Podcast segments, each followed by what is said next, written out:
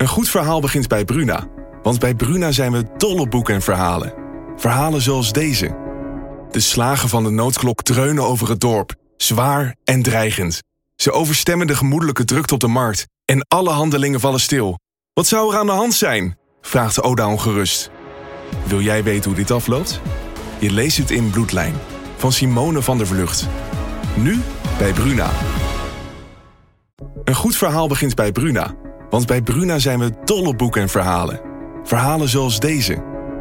De mist kwam uit de baai opzetten en besloop langzaam het Victoriaanse huis op Blake Street. Drong door de houten kieren naar binnen en bleef in dunne sliert in mijn kamer hangen.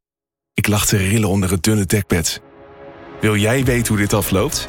Je leest het in In de mist van Golden Gate Park van Murat Isik. Nu bij Bruna. Ze hebben hem, ze hebben hem uh, verdronken gevonden in zijn uh, bubbelbad. Hè? Hij ging, hij ging s'avonds altijd naar zijn bubbelbad, naar muziek luisteren.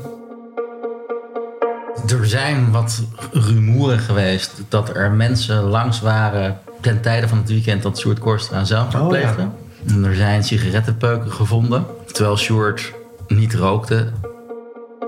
In 2010 overlijdt een van de grootste horecamagnaten die ons land ooit heeft gekend. Sjoerd Koistra stond in de quote 500 met een vermogen van 130 miljoen euro. Maar hoe kwam hij aan al dat geld? Ik weet nog dat ik op een gegeven moment bij mijn auto liep. En dat ik dus door twee gasten, maar werd ik toch vriendelijk, maar toch wel dringend verzocht of ik even mee wilde. En eh, die man die had dus ook geld aan Sjoerd geleend. Na zijn overlijden laat hij een spoor van ellende achter. Met sommigen is het niet goed afgelopen. Is ja redelijk de vernieling ingegaan. En ontdekken zijn nabestaanden de meest vreemde dingen over Sjoerd. Ik weet gewoon dat hij beslissingen heeft genomen op het laatst op basis van haar uitspraken. Dus dat hij niet met Heineken op een bepaalde dag om de tafel ging zitten omdat zij had gezegd dat, dat het niet het goede moment. Waarom vechten ze nog steeds om zijn miljoenen? Was en is nog steeds hartstikke ingewikkeld. Ik bedoel, het faillissement van uh, Sjoerd Korstra is steeds niet afgewikkeld. Tien jaar na dato.